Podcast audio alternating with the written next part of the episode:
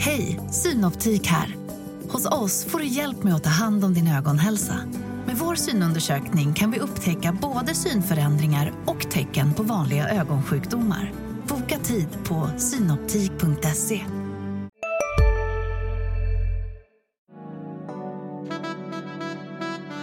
Du lyssnar på en podd från Närkes Allehanda.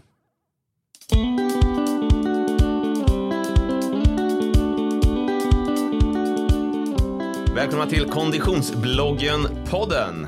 Veckans gäst har tagit guld i både ungdoms och junior-SM med sina lagkompisar i KFUM Örebro och har sprungit ungdomsfinnkampen. Men Nova Olsson, du får samma fråga som alla andra här i podden till att börja med. Vad är det längsta du har sprungit? Ja, tack Jonas för att jag får vara med i podden. Eh, det längsta jag sprungit är 36 kilometer med tunga gubbar. Anfält, Ingberg, Tim Sundström. Oj, oj, oj. Ja, på en liten... Det är ett bra garde. Ja, men det var på en lördags eh, morgon, förmiddag, eh, för några månader sedan. Jag har Mm. aldrig sprungit så långt innan. Det gjorde ont kan jag säga faktiskt. Nej, men det är för långt. Alltså, allt över tre mil är ju bara smärta. Alltså. Ja, men de, de skulle köra ett vanligt långpass liksom. De, Ja, det är ju maratongubbar vi snackar om här. Ja, jo, men där, jag tror Anfält körde 55. Så Mm. han, Han var ju uppladdning då inför SM på 10, eller på 100 kilometer på 10 mil. Mm, som precis. han sprang här, här som gick. Jo, men det, det var inget lågt tempo heller. Man låg ju Mm. på 4.15 liksom. Så ja. Ja. Ja. ja, men det, det är det längsta jag har sprungit. Sen innan dess så har det varit några distanser på 27-28 sådär som är liksom långa distanser. Men det, ja. Men din tävlingsdistans åtminstone när du um, var ungdomslöpare var 1500 meter. Mm. det, ser du dig som 1500 meters löpare fortfarande? Ah, jag vet inte riktigt hur jag skulle definiera mig. Jag skulle väl bara definiera mig som löpare tror jag. Men det är klart, det är väl 1500 och hinder som har varit där som jag har presterat bäst på rent om man kollar på SM-medaljer och, och tider och sådär. Men det, det är klart, eh, milen och fem kilometer är alltid kul också att springa. Så är det. Ja. Sen brukar det bli så när man eh, kommer upp i åldern så eh, ökar distanserna. Det är bara att titta på Tim Sundström där. Han var ju också 1500 meters löpare länge. Ja, Han har ju Ja. Närkerekordet dessutom. Ja, men verkligen. Men det, så det, det är väl en bit kvar till Närkerekordet på 1500 för mig. Men det, vi får se. Vi får se. Man går ju uppåt om man inte kan springa snabbare på de kortare distanserna. Precis så är det. Ja, Ja, ja. Ja, det, det tar kvar tills du blir ultralöpare med andra ord. Det, ja jag, jag tror det i alla fall. ja. Du är 21 år nu så du har tid på dig. Ja, precis. Så det är 21 år. Fan, tiden går fort. Alltså. Ja, så är det. Ja. Du, vi ska återkomma till din löpning, men jag tänkte vi skulle börja mm, prata lite filosofi istället. Ja, men det, det är alltid älskvärt ju. Ja. Du skrev, har skrivit till mig flera gånger Mm. eh, i olika sammanhang att du ska inte springa med pengar i dina fickor utan med drömmar i ditt hjärta. Precis. Det, Det, det är är ett citat från Emil Satopek. Exakt. Den tjeckoslovakiska OS-guldmedaljören på 10 000 bland annat. Så, Ja. ja. Han vann ju 5 000, 10 000 och maraton i samma OS. En Precis, var- Oöverträffad kombination. ja, I Helsingfors 52. verkligen. verkligen. Nej, men, Vad, vad betyder det där för dig? Ja, men det där citatet säger lite eller definierar själva löpningen som, eh, alltså, som, som sport så att säga för mig. Det, det är ju en folkrörelse, en, en samhällskraft eh, som bygger mycket på gemenskap, att man inte gör det för egen vinning främst utan att, att man bidrar till någonting, någonting större helt enkelt. Och, eh, det är väl det som jag ser och det är ett ganska bra citat där med att man ska springa med drömmar i sitt hjärta och inte pengar i sina fickor. Eh, och det tycker väl jag att jag gör i alla fall. Jag lever väl upp till den filosofin, men det, det, det är klart, det är lite sådär, man tänker inte varje pass på det såklart. Man, man, man vill ju liksom gå för egna personliga rekord också såklart, men det, det, det ena utesluter ju inte det andra. Men eh, jag, tror i alla fall att löpningen i samhället i stort, idrotten också, har en, en, en positiv bieffekt på ja, men till exempel integrationen, att eh, man får en viss mångfald, det kan vara funktionsvarierade, det är en jämställd sport, tjejer och killar springer lite på samma förutsättningar i alla fall och sådär, eh, spe- inom friidrotten också. Så det, det är väl ungefär där jag tänker kring det. Mm, mm. Ja, jämför man med till exempel fotboll eller hockey så är det ju väldigt mycket mer jämställt ur ett publikperspektiv. Det spelar ingen roll om det är en dam eller en herre som kommer fram och presterar bra på ett VM eller OS. De får lika mycket uppmärksamhet ändå. Så är det ju inte riktigt i fotboll och hockey kan vi konstatera. Nej, och det, det är väl ska vi vara glada för tror jag ändå. Sådär. Nej, men det, det, det handlar ju inte om hur många SM-medaljer man tar eller hur många likes man får på Instagram eller vilken outfit man har. Jag tycker att det där är lite vad jag kallar löparkapitalism så att säga. Eh, inget ont om kapitalism i övrigt i och för sig. Men, eh, nej, men jag, jag, jag, det är den filosofin jag, jag drivs efter så att säga. Och sen är det ju lite på skoj också så att säga. Men, men, Jag brukar säga att löpning är en väldigt demokratisk sport för det är lika jobbigt för alla. Man blir bättre men, men då springer man snabbare och så är det lika jobbigt ändå. Ja, precis, precis. Man, man, man, det beror ju på olika distanser så, som sagt. Men, man, nej, men det är klart att det, det är en demokratisk sport, det ska jag hålla med om. Absolut. Mm. Men sen finns det ju problem också inom Friidrottsförbundet och Riksidrottsförbundet och internationella friidrottsförbundet också. Det var inte konstigt att de stormade om det var internationella friidrottsförbundets kontor 2015 med fransk polis. En av de största muthärvorna som friidrotten någonsin skådat. Uh-huh. Så det, det, är klart att det, det svenska friidrottsförbundet har nog inte helt eh, en oskyldig roll att spela där utan jag tror ju att eh, ja, jag ska inte säga för mycket, men det, det, är klart att alla har ju sin del i det där också. Så. Det har ju stormat lite grann kring, kring Storåkers som är mm. ordförande i Svenska Friidrottsförbundet också. Ja, precis. Och det, det, det, jag skulle väl säga att det finns i någon form eller på ett eller annat sätt en del korruption i Friidrottsförbundet. Och där kanske jag sticker ut hakan lite så att säga. Det, det kanske inte är det vanligaste man hör, men det, det innefattar ju en, en del saker så, som sagt. Man har ju hört en del och sådär. Men ja, man ska inte slänga för mycket skit så att säga. Exakt. Var står löpningen idag då i, i, i Sverige? Är den stark tycker du? Ja, det skulle jag väl ändå vilja påstå. Uh, jag tycker att den håller god klass. Det finns en bra mångfald. Uh, det är många, men man, man, märker liksom till och med statsministern springer liksom inom en, en partiledardebatt så att säga. Så mm. då, då, då, känner man att löpningen är på upptåg. Man ser folk och sådär. Men det, uh, rent generellt skulle jag väl säga att den, den ligger ganska bra sådär det, det är svårt för mig också precis att kommentera exakt hur den är, men jag, jag, jag tycker väl i grunden att den, den, är, den mår bra. Sen, sen, finns det ju alltid problem så att säga, men det, ja, man ska kanske önska lite mer mångfald till exempel. Mm. Lätt, lätt att springa i, i, med sitt villagäng, men man kanske kan ta in eh, andra typer av människor med andra bakgrunder också. Kanske. Mm. Mm. Ja men så är det. Satopek pratar vi om, är det en mm. förebild för dig eller? Ja, men han är ju i alla fall eh, intressant, absolut. Och han har ju som sagt, som vi sa, en, en väldigt bra prestation och en väldigt bra karriär bakom sig. Så det, det är klart att man, ja, man har ju några att se upp till såklart. Mm.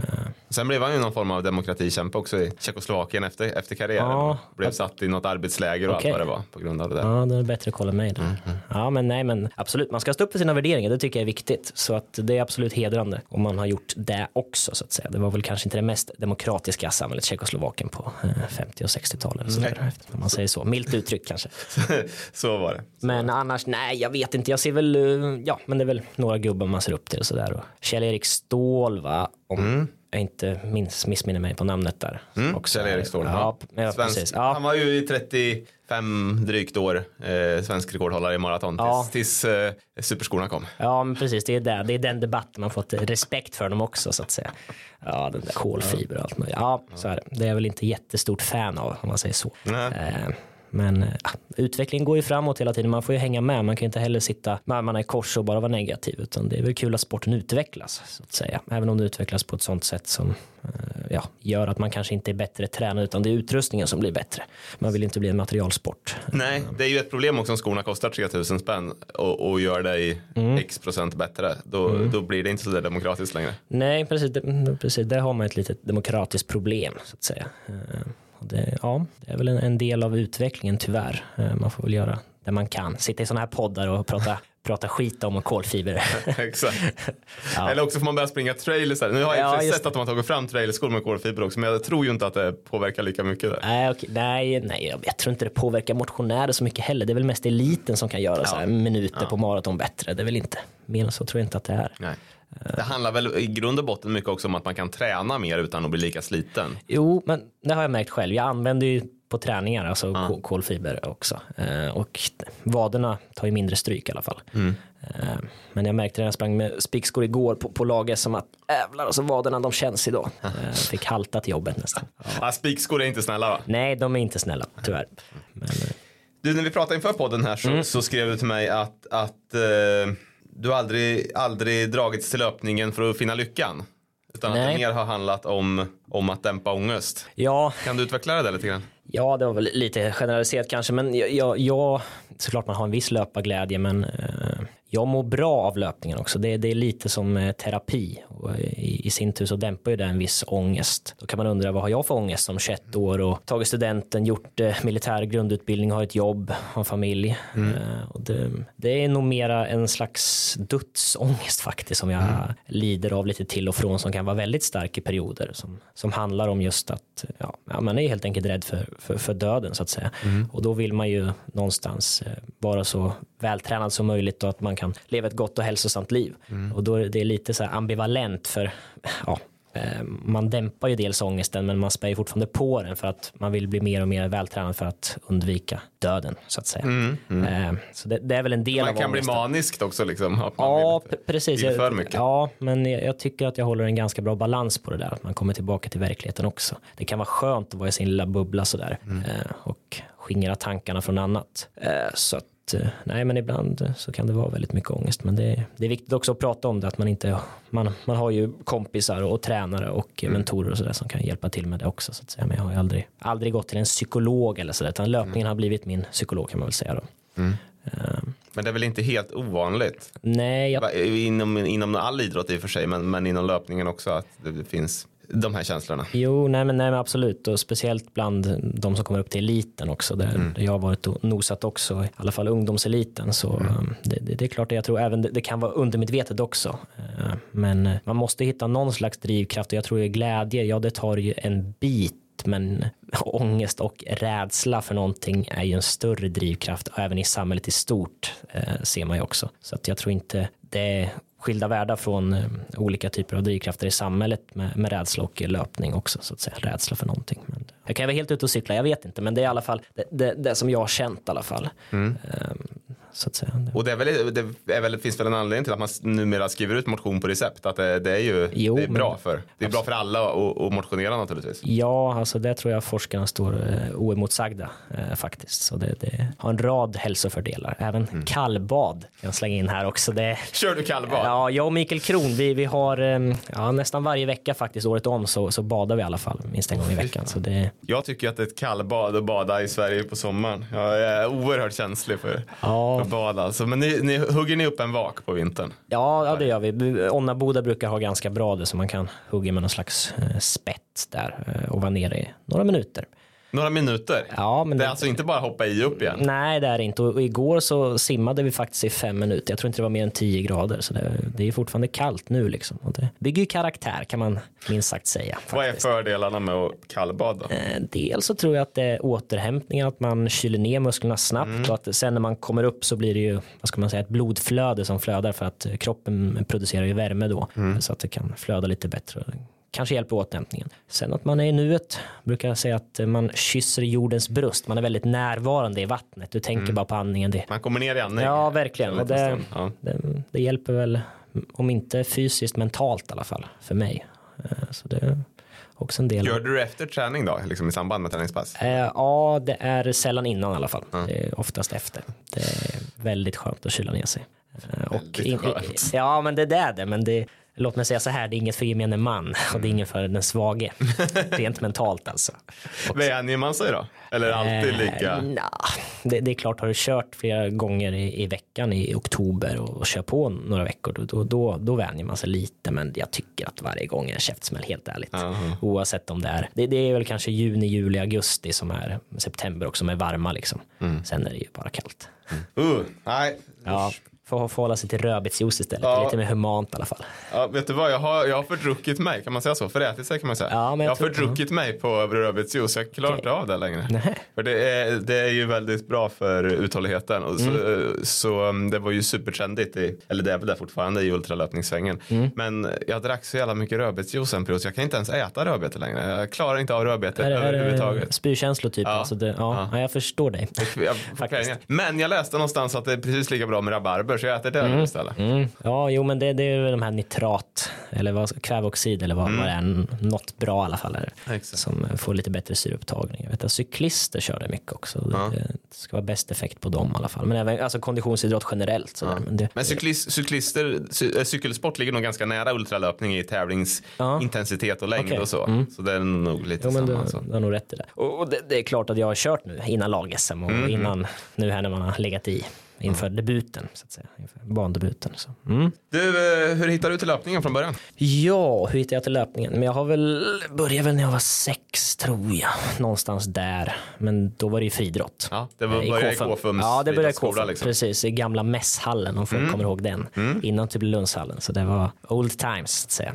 Eh, sen så körde jag väl på. Jag tävlade ju när jag var liksom barn och unga tonår där på 600-800 meter som fanns då som var liksom det, det långa. Alltid dragits i det. Jag har kört Spartacus mycket när jag var liten. Alltså sen jag var Mm. ja, 6-7 Terräng, år. terränglöpningen där. Ja, precis. Man, man fick ganska mycket, mycket gratis där. Eh, och sen, alltså, jag tyckte aldrig det var riktigt kul ska jag erkänna. Jag tycker inte, det är bara smärta, det är bara ont, det är bara jobbigt. Nej, men det var så. Det bara, men det var att plåga sig själv lite.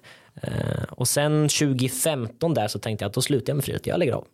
Höll du på med andra sporter då? Eller? Eh, ja, karate har jag hållit på med Ja. i sju år. Så kampsport, tävlat i SM där också. Eh, nej men sen kom Bo Gunnar Bogges in i bilden 2015 där. Ja. Och, eh, vad ska man säga, räddade mig lite så att säga. Fick, eh, fick mig att se eh, kärleken till sporten så att säga och vad som är så himla vackert i det.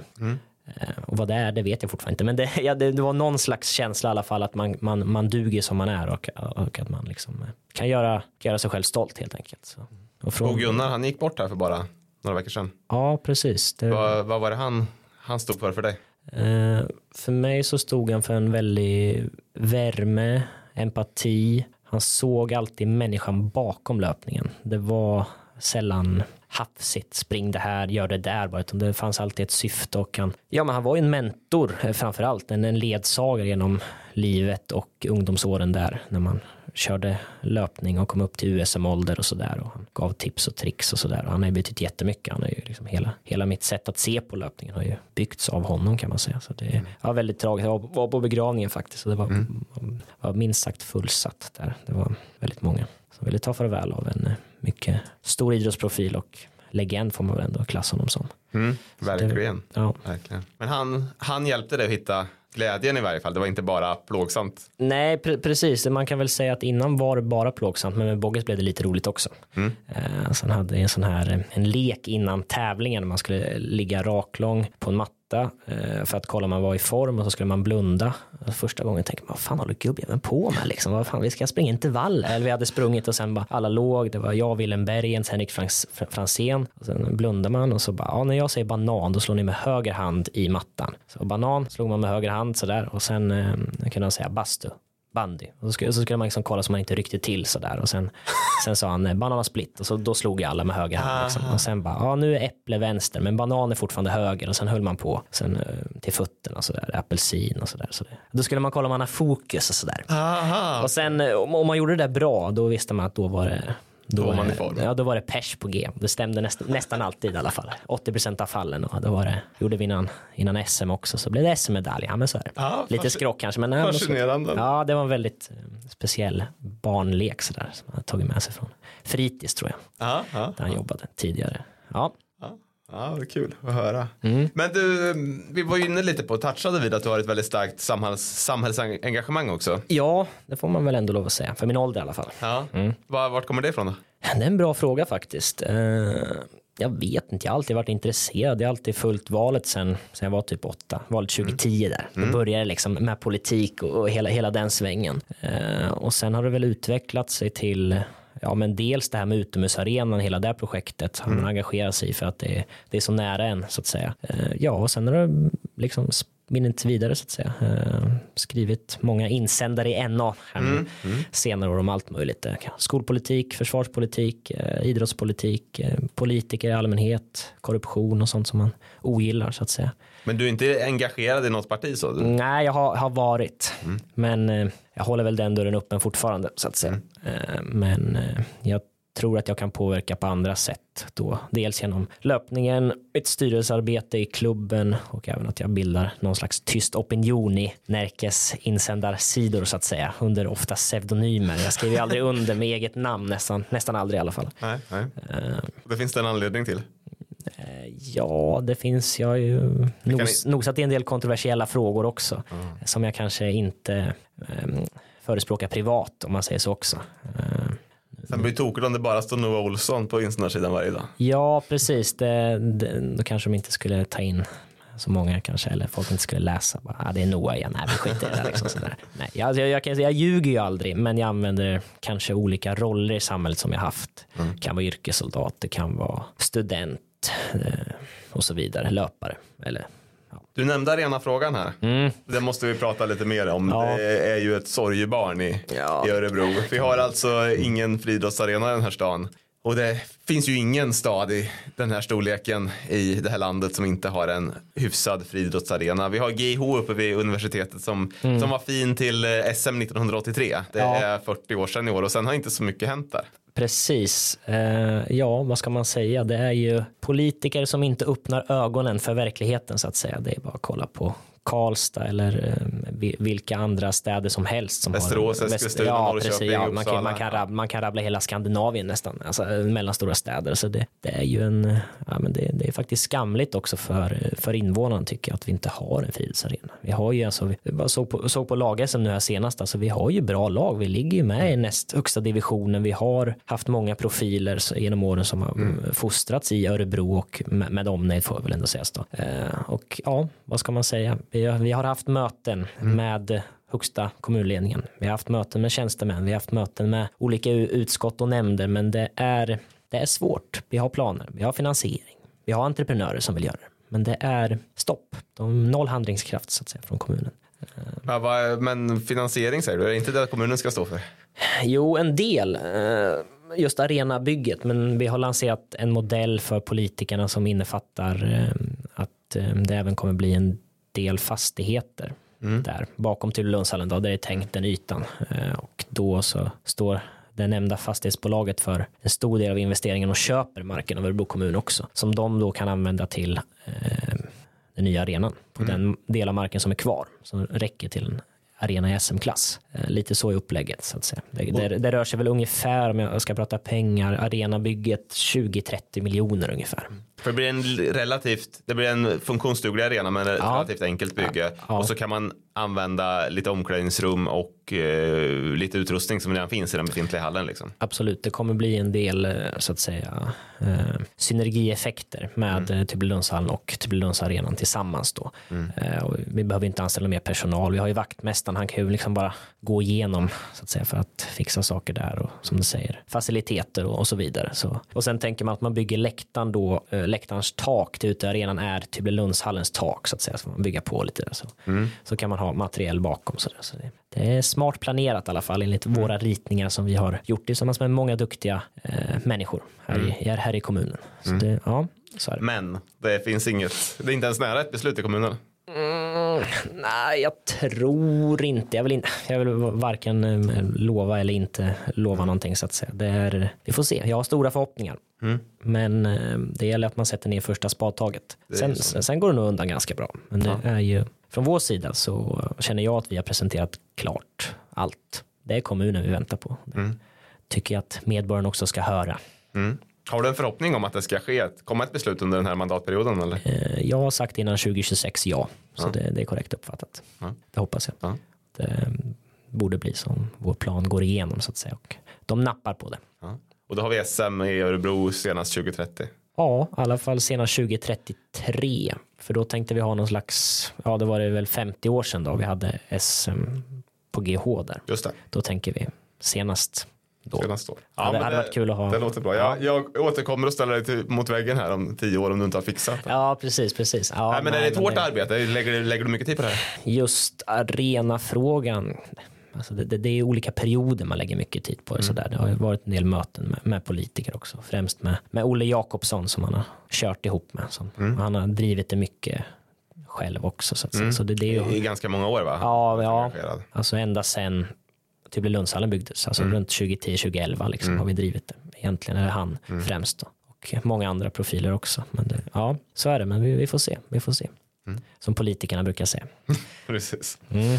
Du, eh, trots att GH är så, så eh, nedgånget som, som det ändå är och det fanns inte ens eh, hinderbockar där när du eh, tränade som ung. Nej. Så tog du dig till, till eh, ungdomsfinkampen på 2000 meter hinder. Mm. Det, berätta om den resan för det är ändå ganska speciellt att lyckas med det. Ja, alltså det, det, precis som du säger, det var ju genomruttna hinder eller icke alls funktionsdugliga så att säga. Mm. Uh, och Hej, Ulf Kristersson här. På många sätt är det en mörk tid vi lever i. Men nu tar vi ett stort steg för att göra Sverige till en tryggare och säkrare plats. Sverige är nu medlem i Nato. En för alla, alla för en. Har du också valt att bli egen? Då är det viktigt att skaffa en bra företagsförsäkring. Hos oss är alla småföretag stora och inga frågor för små. Swedeas företagsförsäkring är anpassad för mindre företag och täcker även sånt som din hemförsäkring inte täcker. Gå in på swedea.se företag och jämför själv. Eh, Bogges han brann ju väldigt mycket för hinderlöpning. Det var han som fick in mig på det. Mm. Eh, och då så, ja men man, man fick ju ställa upp liksom häckar istället. Alltså om man tänker att man ställer en häck bredvid varandra jämte varandra liksom. Så, Mm. så det blev som ett hinder så att säga. Och köra på det. Och Men då kan du inte sätta foten på och trampa av Nej. ifrån. nej, alltså, jag har ju aldrig suttit foten på ett hinder någonsin på ett hinderlopp. För jag har aldrig invand så liksom. Nej, du, du, Så jag har liksom du kört som häck. över som en häck. Ja. Ja, folk brukar liksom säga det att jag, det ser ut som en häcklöpare som springer hinder lite sådär. För jag sprang lite kortare häck när jag var, var liten också så jag har liksom den, den tekniken så att säga. Men hur gör du i vattengraven då? då Ja, vattengraven får man ju sätta på, Ja. eller sätta, sätta foten på, på hindret där för att trycka ifrån. Hade varit kul om man klippt och bara landat i vattnet. Man har ju sett folk som badat i den där vattengraven, Ja. stackars Tom, och landat med magen och tappat luften och sådär. Du vet, få spiksko i nacken, det är inte kul. Alltså. Nej, nej. Så- Och den är rätt djup dessutom i, i, längst in vid hindret. Så man, Ja, det är ju rejält. där, är det, är, det är nog över knäna i alla fall. Så det, jag kände ju direkt efter första, första hindret här nu på, på lag-SM att eh, man blev blöt ända in till kallingarna så att säga, tyvärr. Eh, nej men som sagt, det, det var en ganska speciell resa. Jag hade väl inte tränat jättemycket på hinder och för, förutsättningarna, men det är jättedåligt. Liksom. Det är som att säga till eh, en fotbollsspelare liksom att eh, nej men eh, gör mål här. Ja, på vilket mål? Nej, det finns inga mål. Du får göra gör mål mot planket typ och sen blir du världens Vi bästa. ställer upp två koner istället. Ja, men det är väl typ så Ronaldo och Messi har gjort antar jag också. Så det, de blev ju bäst också. Mm. Men, men du tog ett SM-brons där på sommaren. Mm. Eh, nu ska vi se vilket år det var, det har jag uppskrivit här. 2019. Ja, Ja. precis. Det var ett väldigt speciellt lopp. För jag låg fyra tror jag nästan hela tiden. Hade en kille från Lidingö framför mig. Mm. Och även vattengraven låg jag fyra, alltså tätt in på, sista ryggen. varvet. Ja, precis. Och sen där på upploppsrakan så finns det ett hinder till och det Mm. klippte jag så brutalt jävla bra. Alltså perfekt. Alltså, Mm. det var, och då kom jag om honom precis på slutet med, ja, jag vet inte, det skilde hundradelar tror jag. Och så blev jag kvalificerad till ungdomslandslaget och ungdomsfinkampen så det var, Mm. hade jag liksom kommit fyra, det hade jag liksom aldrig varit med i landslaget. Nej, då hade du inte fått springa i blågult. Nej, det är små marginaler. Men jag hade bestämt mig för dagen innan så hade jag väl tagit ett brons på 1500 om jag inte minns fel. Det var där i Slottsskogsvallen i Göteborg. Så, Ja, fina banor. Anrik arena. Så där. Och då fick du åka upp till Stockholm. Mm. Fick ni springa på stadion eller var ni på någon mindre arena? Ibland är det uppdelat. Nej, vi var på stadion med det- seniora ja. finkampslandslaget. Så det var många kända profiler där. Så det var absolut kul. Ja, Det måste vara en höjdpunkt i karriären. ja precis. Ja, verkligen. Sen gick ju loppet som det gick. Jag väggade där efter om det var 1000 meter tror jag. Så det var, och då var det väl 2000 meter 2000 hinder och inte precis, 3000 meter hinder. Så det, ja, Du ville lite mycket. ja, lite så. Eh, Så finnarna var starka och Erik Westberg också som sprang var stark. Så det, var- ja, nej men det, det var... Som blev din klubbkompis sen i, i golfen. Ja, precis. Och vi tog ju det där laget som guld i terräng 2021 i oktober där. Så synd att vi inte får åka till Europacupen där. Det hade varit kul att vara i Portugal i februari där, men corona var lite för stark så att säga. Så. Exakt. Men eh, ja, vi ska säga det, ni vann ju, fin, ni, ni vann ju finkamp, ungdomsfinkampen där mot finländarna också. Ja, var det gjorde vi. Det var- även, om, även om du blev fyra i ditt eh, lopp. Ja, där, jag så- minns. Jag satt bredvid Daniel Ståhl och eh, tjoade när resultatet kom. Ja. Han är ganska robust om man säger så. Det var ganska... Han är lite större än du. Ja, det var öronbedövande när han skrek. Ja, det var, det var ett- bra minne faktiskt. Ja, vad häftigt, häftigt.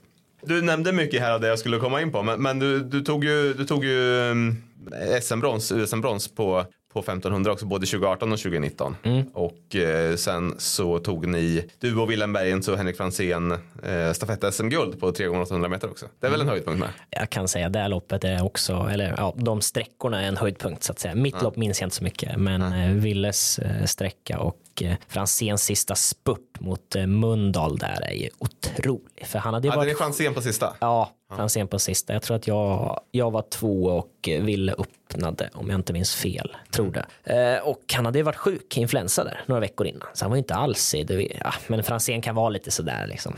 Eh, bara, "Ah, jag vet inte hur det går Olsson. Ja, okej, men kör ändå liksom. Jag ligger i rygg. Och så bara, vilken spurt alltså. Jag fick gåshud. Jag hade liksom blodsmak i munnen för jag skrek så mycket. Alltså, ja, det var otroligt alltså. Då slog vi väl distriktsrekordet där också. Så det, Precis. Ja, det var magerkänsla. Det var på stadion också. Så man hade ju liksom bra känsla inför finkampen där. För det var i maj, tror jag att det var. Mm, ja men det stämmer, maj 2019. Mm. Så det, ja. Ja, då, var man, då var man på G. Exakt, ja, men det är ju kul med stafett också. Det är ju kul att få, få vara del av ett lag för man är ju ofta väldigt individuell som löpare. Mm. Men det, det är där verkligen kul med stafett. Ja. Alltid gillat stafett. Ja. Faktiskt. Det är, ja. Och sen 2021 så tog du och Wilhelm, men då med Erik Westberg som du sa också det här terränglag SM-guldet. Mm. Det var ju också lite speciellt för då hade du ryckt in i lumpen. Ja, precis. Det var, det var då, då karriären var på nedåtgående spiral igen. Eh, eller igen. Ja. Men eh, ja, det var speciellt. Jag hade väl kört, ja, kanske låg på 3-4 mil i veckan eller något sånt där. Otränad. Ja. Hade legat och skjutit kulspruta i någon eh, skyttegrav typ. Nej men det var så. Inte hade någon mat, ingen sömn i mig. Eh, hade ont över hela kroppen nästan. Eh, ångesten var total kan jag säga. Nej men det var så faktiskt. I alla fall första månaden. För det var i oktober. Jag ryckte in i, i, i augusti där. Men du ville det där väldigt mycket men det var ändå tufft. Ja, det var, det var ren vilja där. Att jag ens kom i mål alltså. Eh, men det var, var väldigt kul i alla fall. Få ta det där guldet också. Guld är ju alltid fint, även om det var, var lag och inte individuellt. Det är nästan större lag tycker jag. Alltså, eh, så det var kul och det var ju lite sista chansen att ta en medalj tillsammans med Ville också. Ja, för han skulle, han skulle ju till Helle sen. Precis. Byta klubb. Mm. Och ni har väl i mångt och mycket vuxit upp tillsammans inom friidrotten där? Ja, vi har kört sedan vi var typ åtta år. Ja. Så vi har följts åt hela tiden. Eh, Så det var ju lite vemodigt också att han, att han lämnade klubben och sådär. Mm. Men det, det är klart, jag menar, det var ju för hans utveckling så var det ju liksom ett bra val och sådär. Mm. Han får lite andra förutsättningar. Verkligen. Helle är ju en, en stor eh, friidrotts eller löparklubb Ja, precis. Så. Så att, eh, ja, men det, det, det är kul för honom. Jag Mm. unnar han allt. Men som du, som du var inne på där också, eh, Friidrottsförbundet hade ju räknat fel. Så ni, ni vann en kvalplats till Europacupen i terränglöpning för lag. Men eh, så var ni ett år för gamla när den skulle avgöras. Mm. Ja, just så. Just. så KFUM Örebro fick ju en plats tack Ja. vare er, men Ja. det, det fanns inga löpare att skicka. Nej, nej. Det var lite, det var, ja, det, det var dumt. För ni, ni hann ju fira och trodde att ni skulle få åka till Portugal där. Ja, precis. Eh, Och nu hade det väl inte gått ändå men, eh, med med corona sådär. Men det Nej. var lite snörpligt så att säga.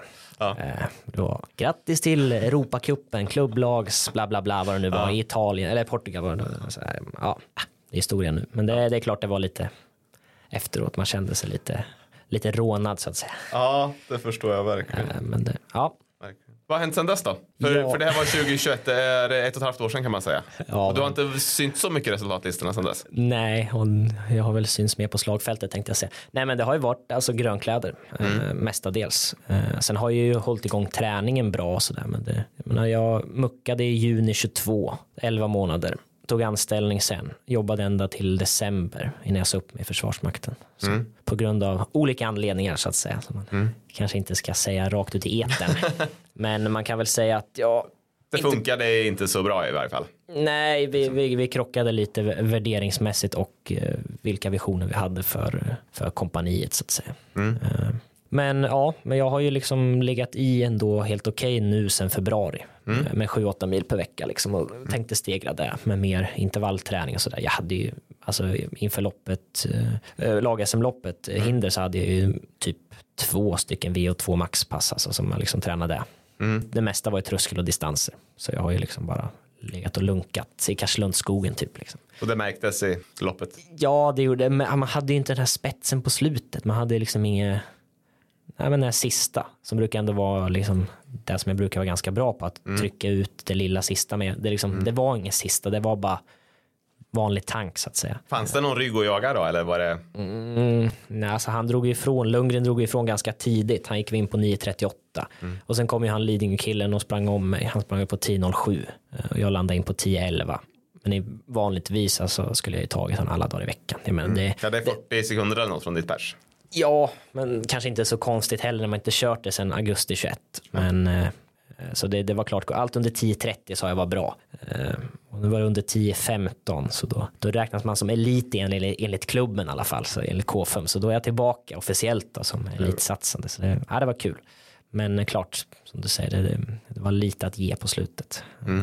Men laget som är speciellt också. Men det är ju, man, alla, man, de ställer ju inte upp ens en gubbe på hinder för, för, från varje lag heller. Det kan ju ibland vara tomma platser liksom för att, Ja, just hinder är ju, det är ju en eh, distans som inte så många springer. Nej, Och sen i lag-SM är väldigt små fält också, det är sex klubbar bara. Det blir Mm, väldigt, precis. väldigt små startfält. Och eh, ofta så skiljer det väldigt mycket mellan olika löpare så det blir stora Ja, avstånd. ja, det var en så en som- speciell tävling. Plus att det är tidigt på säsongen. Ja, alltså, de lägger det ju helt galet. Varför lägger de det liksom på försäsongen där? Förutom att det är jättedumt alltså. Men det kanske är därför att eh, de små klubbarna ska ha en chans.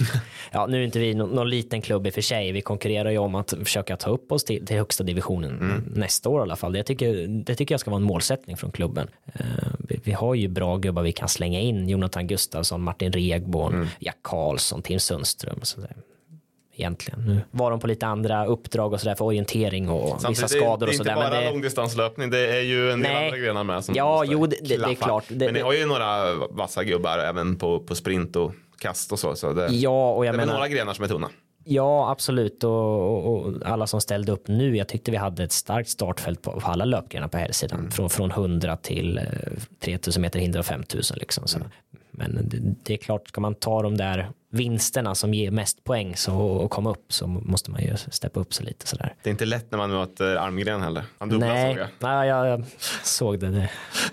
Ja, jag mötte Lundgren istället. Han har väl pers på 8.33 på 30 meter hinder och har sprungit finkampen många gånger. Så man, han, han, joggar väl typ igenom. det. Nej, så är det. Du, du sprang i, i Mikael Krons löpargrupp i många år. Du nämnde Mm. ju Kron här förut när det gällde kallbad. Han är ju legendarisk löparcoach verkligen. Ja. i, Örebro. Men den gruppen, den, han, eller han slutade som tränare Mm. för gruppen för ungefär ett och ett halvt år sedan. Eller, eller sådär, ungefär samtidigt som du ryckte in då. Ja, precis. Det var. Eh, hur, hur står det till med den gruppen idag? Krongruppen existerar fortfarande, Ja. vill jag ändå säga, påstå. Eh, Vi är några gubbar som kör, eh, men Kron är ju inte närvarande fysiskt, men mentalt så är han fortfarande vår coach. Och han, eh, i alla fall för, för mig och för, för några andra i, i gruppen, så lägger han, lägger han upp lite pass och, och program ibland. Så, där. Och han, så han är fortfarande närvarande, men inte riktigt samma engagemang som förut. Och det är synd, men det var ju många som flyttade också, började plugga, vissa bytte klubbar. Eh, Jag, jag drog in i lumpen, så han kände väl att eh, ville prioritera familj och eh, allt annat som livet har att erbjuda. All respekt för det såklart. Mm. Men, men, men ni, ni har ju tränat med honom i många år. Ni känner till hans filosofi också så där ni kan fortsätta i hans anda på något sätt. Mm. Ja, men alltså man har ju massor av program, så det är, det är inte så att man är helt, helt borta så att säga. Men det, det är klart att den där mentala biten hjälper också väldigt mycket. Så vi snackar flera gånger i veckan på telefon, sms och sådär. Vi har våra kallbad. Alltså jag menar 20% kanske är snack om löpning, 80% är om livets förgänglighet liksom. Så att, eh, ja, men det, det, det är klart det är synd att grupp, gru- gruppen splittrades så att säga. Sådär. Men det, nya tider kommer, nya löpare ska in, nya, nya generationer eh, och så vidare. Och sen är det inte uteslutet med comeback för Kron. Nej. Kanske jag säger för mycket här. Sitter han Vi hemma och skakar på vi huvudet. sätter press på honom. Ja, vi sätter lite press. Eh, vi, vad är ni för gäng då? Är det några du brukar springa med fortfarande? Ja, det är väl främst eh, jag, Axel Sandberg, Tim Sundström, Jack Karlsson kommer hem nu till Örebro. Han har varit i Norge eller? Umeå har Umeå har han Jack varit i. Ja. Eh, kanske varit i Norge också, jag vet inte riktigt. Nej, men, och sen Jonas Andersson har ju, som är ju främst orienterare skulle Mm. jag vilja påstå. Kils OK. Ja, precis, som har kört. Och Rasmus Ahlgren också. Så vi, Mm. eh, så vi, vi är ändå ett gäng. Och sen gästspelar väl William Wickholm ibland, truppe också. Mm-hmm. Ja, a- alltid kul att ha med honom. Så att säga. Vi springer många distanser ihop i Karlslund. Så man, han håller sig i skuggorna. Mm-hmm. Ja, han, han såg man, det var länge som man såg honom i en resultatlista. Mm. Men, Men kan smälla till på någon DM. han, har, han har bra formen då. Eller bra, bra grund. Ja. grund eh, Ja, men han, Form. ja, han harvar väl på ändå. Så att säga. Men han, han har väl ingen elitsatsning Nej. på G nu i alla fall. Men vi är ändå ett gäng, så jag, jag tror att det kan bli en bra sommar kan jag säga. Ja. Speciellt med Jack som kommer tillbaka också. Ja. Kul. Ja.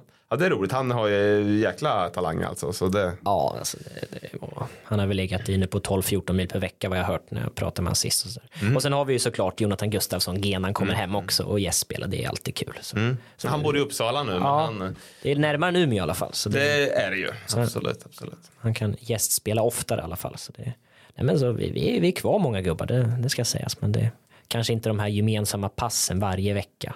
Tisdag, torsdag, lördag som det var förut. Men det, Så är det. Hur ser din träning ut just nu då? Eh, Just nu så lägger jag väl på med i alla fall två kvalitetspass per vecka tänker jag. Resten är mest distanser. Eh, Försöka ligga på en, ska stegra lite nu men åtta, sju, åtta, 9-10 mil kanske vissa veckor. Så det, ja, fortsatt framåt är väl att sikta mot eh, senare delen av sommaren kanske, få in och hindertävling i sommar också.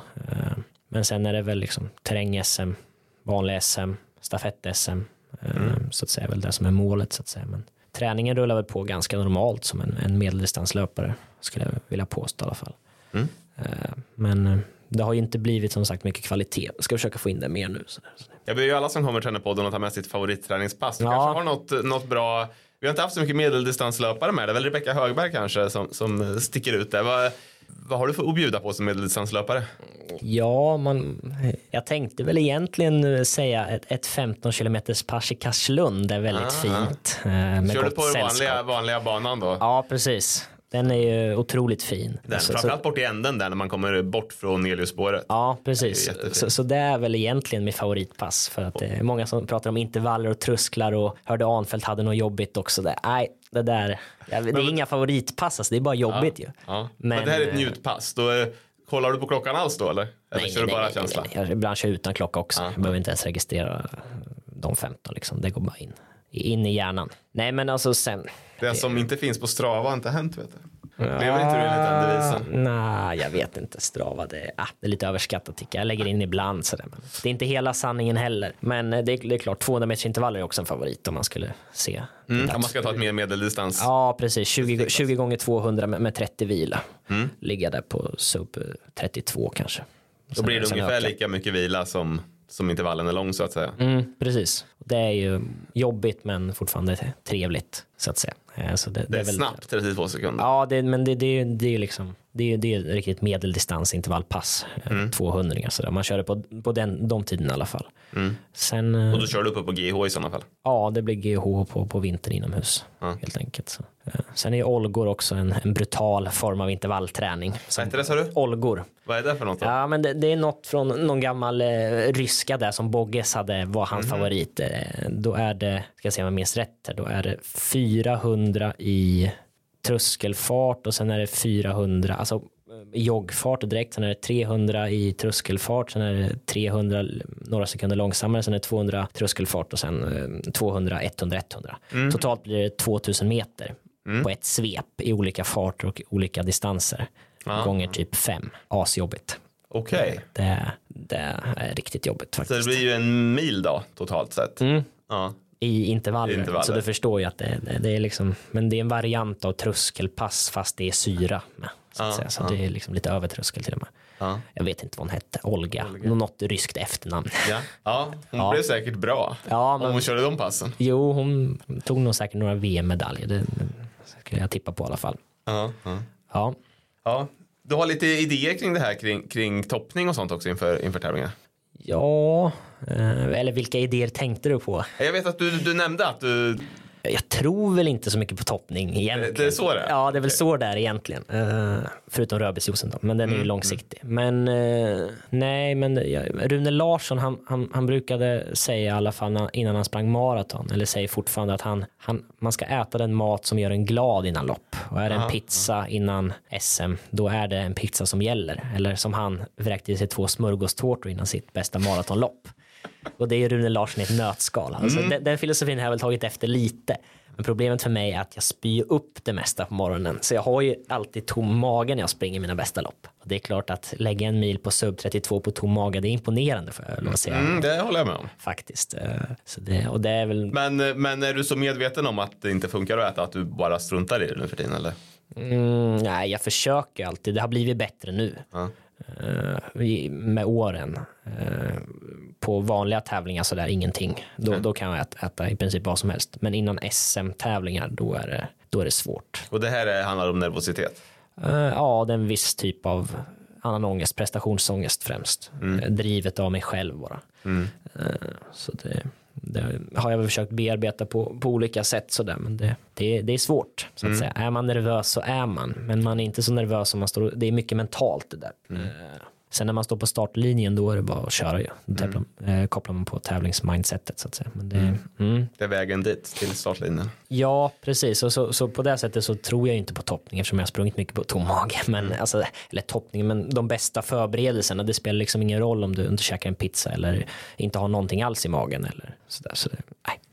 jag vet inte. Det- Jag tror att det ligger, eh, det ligger mycket mer i att ha en grundträning och att man har, man vet med sig att man har gjort bra resultat innan och sådär. Att man, har, man, är säker i sig själv, att man, man har bra träning i kroppen. Sen kanske det där handlar också om en del om att vänja sig när du har gjort eh, 10 eller 20 SM-tävlingar kanske. Mm. Kanske inte är så märkvärdigt längre. Nej, men som sagt, nu börjar det liksom, senaste åren har det varit bättre.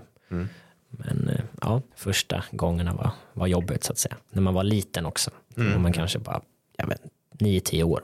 Väldigt liten alltså. Så det har varit i länge Det säga. började, det började redan då att du Ja, det började tidigt.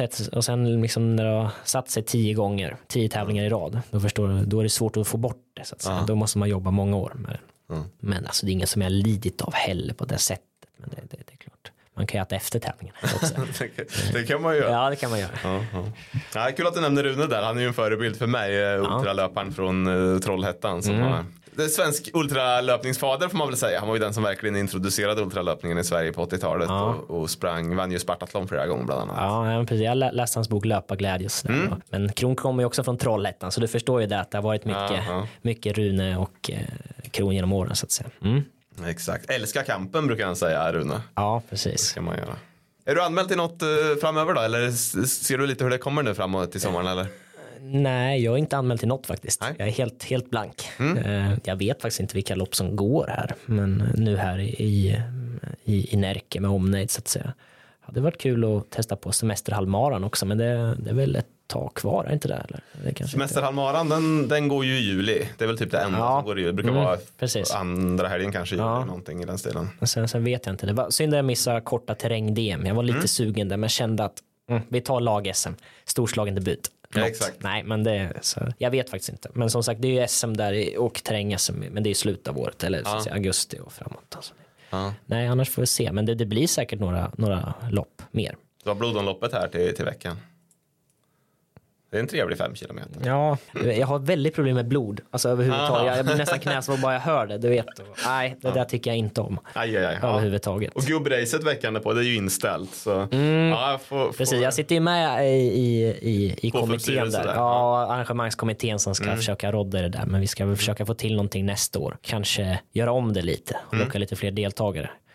Ja, det var ju stort en gång i tiden. Mm. Det hette Grabbhalvan och det var, det kunde vara 1500 deltagare liksom. Men Precis, sen har det ska- liksom dalat lite grann. Men det är ju en trevlig tävling. Men vi ska försöka rebranda det lite och komma med lite, lite nya idéer. Sådär. Fast det, jag tror att det kommer i alla fall vara en snabb femma i det som är tanken fortfarande. Mm. Sen får man försöka få, locka lite mer företag så att man får in lite cash också så att säga. Det är också det. Det måste gå ihop Det är budget. ju det det handlar om. Ja.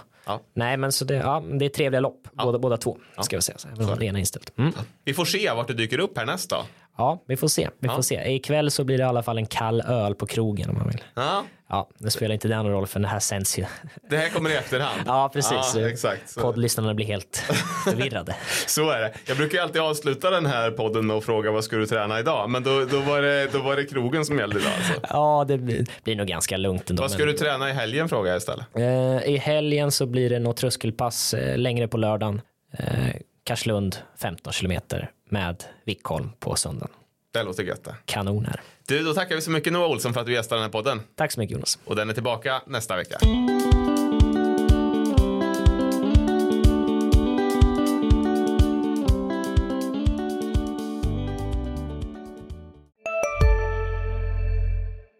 Mac har miljarder fans över hela världen. Under mer än 50 år har den skapat popkulturell historia. En legend med 100% nötkött och den mytomspunna såsen. Nu finns Big Mac för bara 39 kronor på McDonalds. Hej, Synoptik här. Livet med glasögon ska vara bekymmersfritt. Därför får du 30% på alla glasögon när du väljer Synoptik All Inclusive. All service ingår alltid. Välkommen till Synoptik.